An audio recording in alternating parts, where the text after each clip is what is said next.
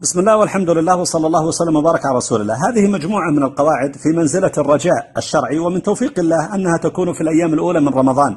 نرجو بها رحمة الله. القاعدة الأولى الرجاء الشرعي ضرورة. ضرورة أرفع من الواجب. ويدل لهذه القاعدة قوله تعالى من كان يرجو لقاء الله فإن أجل الله لآت وقول النبي صلى الله عليه وسلم لا يموتن أحدكم إلا وهو يحسن الظن بربه. الرجاء ضروري للعبد لأن الله يحب القلب الراجي. القلب الذي لا يزال متعلقا بالله ينتظر فضل الله ينتظر كرم الله ينتظر جود, جود الله. هذا الشعور الذي يراه الله من قلب عبده هذا شعور الله يحبه وهو نوع من أنواع العبودية. فأصبح الرجاء ضرورة للعبد.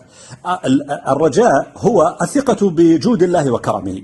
لا بد من الرجاء للإنسان المؤمن لأنه من خلاله يستطيع أن يعمل العامل. فإن الذي يجعل العامل يعمل وينوع في الصالحات إنما هو رجاء كرم الله بإثابته عليها في الدنيا وفي الآخرة. فأصبح الرجاء ضرورة.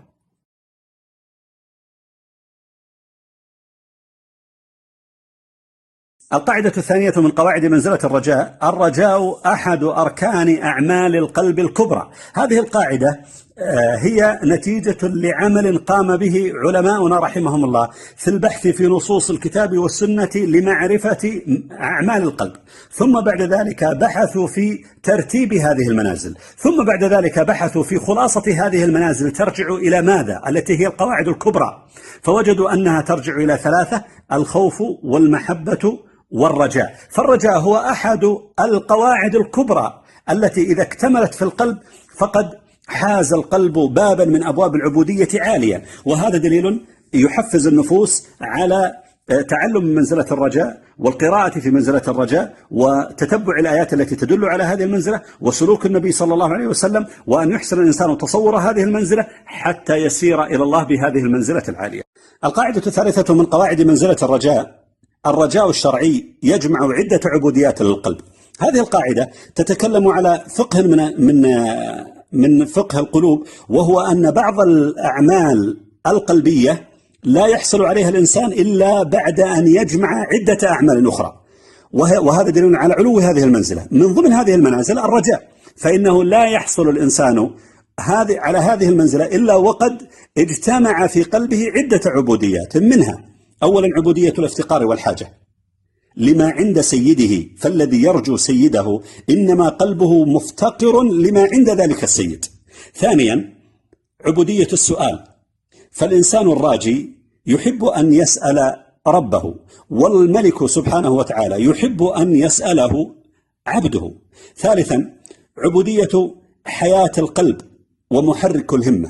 فإن القلب الراجي لا يزال قلبا متحركا يطلب ما عند سيده.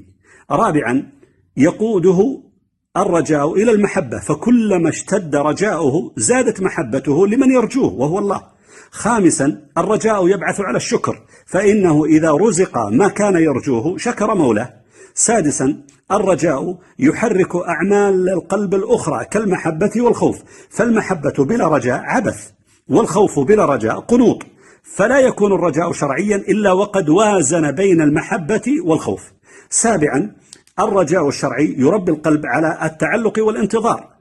ينتظر فضل سيده ولهذا يحافظ على ذكره على ذكره وعلى دعائه حتى يصل له هذا الفضل من الله. فطول هذه الفترة التي كان القلب منتظرا فيها فضل الله إنما هو في عبادات حققتها له رجاؤه لربه. القاعدة الرابعة من قواعد منزلة الرجاء الشرعي لا يكون الرجاء شرعيا إلا بعمل. أجمع على ذلك العارفون. نقله ابن القيم رحمه الله. الفرق بين التمني والرجاء الشرعي هو وجود العمل. فمتى ما وجد مع أملك بالله مع انتظارك لكرم الله مع تعلقك بجود الله متى ما وجد عمل يصدق هذا هذا الرجاء فرجاؤك شرعي صحيح. ومتى ما تخلف العمل فما يوجد في قلبك يعتبر أماني ولا يعتبر رجاء. لسهولة الرجاء ومحبة النفس له فإن الشيطان يستزله ويحاول أن يصرف الإنسان من الرجاء إلى التمني. الأماني قرر علماء السلوك أنها من جد الشياطين.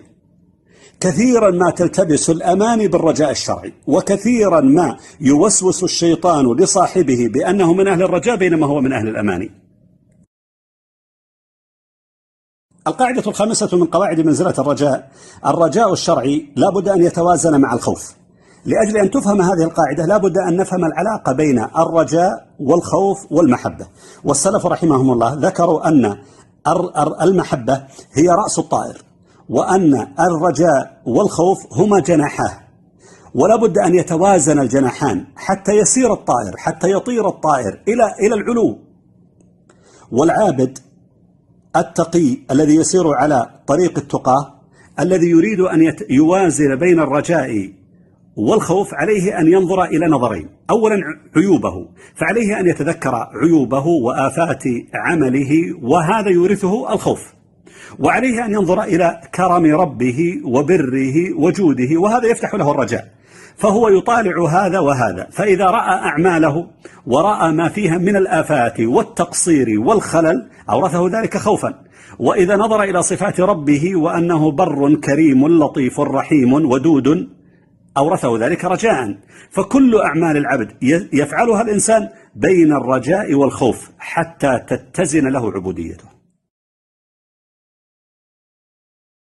القاعدة السادسة من قواعد منزلة الرجاء عبودية الرجاء تتعلق باسم الله البر.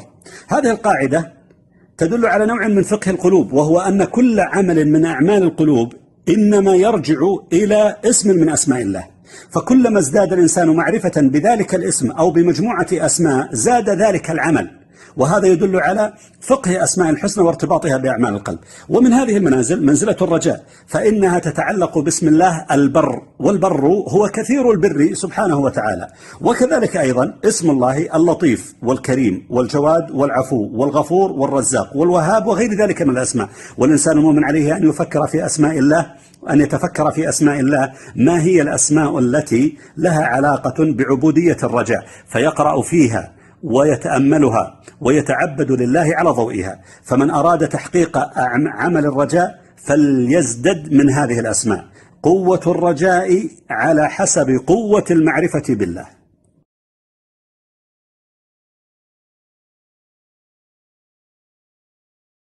القاعدة السابعة من قواعد منزلة الرجاء. الرجاء من أقوى الأسباب في الوصول للمطلوب هذه القاعدة تدل على أن الرجاء سبب من ضمن الأسباب التي توصل العبد إلى مطلوبه. فماذا أنت تطلب من الله؟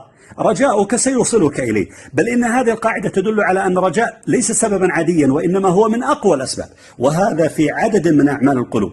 كل عمل من أعمال القلوب هو موصل لمطلوبه فلا يوجد مثل التوكل في إيصاله للمطلوب ولا يوجد مثل الخوف من الله في إيصاله للمطلوب ولا يوجد مثل المحبة أيضا في إيصالها للمطلوب. والرجاء سبب من هذه الأسباب بل هو من أقوى هذه الأسباب. والسبب في ذلك لأن القلب الراجي الله يحبه والله يرحمه فالله بملكه وعزته يرحم ذلك القلب الذي يؤمله.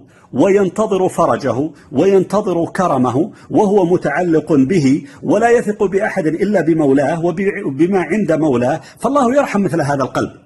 الراجي يأمل من ملك عظيم أن يدبر أمره على أفضل حال يتمناها. فالله يرحم مثل هذا القلب.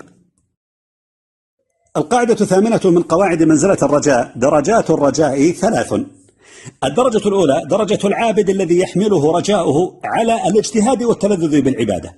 هذه القاعدة هذه الدرجة لأن الرجاء لأن الرجاء محرك للعمل. كلما تذكر الإنسان ثمرات ثمرات أعماله كلما حفزه ذلك على الاجتهاد. فإذا تذكر أن الحرف بعشر حسنات وتذكر أن ليلة القدر عن ألف شهر. وتذكر أن الصلاة نور وتذكر أن الصدقة برهان وإذا تذكر أن الجمعة إلى الجمعة كفارة لما بينهما وتذكر أن من توضأ فتشهد فتحت له أبواب الجنة الثمانية وأن من صام يوما بعد الله وجهه عن النار سبعين خريفا. كلما تذكر هذه الأعمال أورثه ذلك الاجتهاد والتلذذ بالعمل ثم ينتقل إلى درجة أعلى منها. وهي درجة العابد الذي تعلقت همته بصفاء قلبه وعبوديته وخشوعه لله. ولهذا ينتقل العابد من الدرجة الأولى إلى درجة أعلى منها وهي درجة الحذر من الذنوب. فيكون حذرا دائم الاستغفار قلبه وجل أن ينحط عن منزلته. فإذا زادت هذه المنزلة انتقل إلى درجة ثالثة من درجات الرجاء وهي أعلى درجات الرجاء وهو وهي رجاء لقاء الله. وهذه أعلى الأنواع. وهي التي ذكرها الله في كتابه. من كان يرجو لقاء الله فإن أجل الله لآت. وقلب التقي مشتاق لربه الرحيم. يتمنى لقاء الله ويتمنى رؤيته بالآخرة. وهذا الرجاء يجعل لذته كلها إنما تكون في لقاء الله. ولهذا يعمل لذلك اللقاء. فكل لذة إنما هي دون هذه اللذة.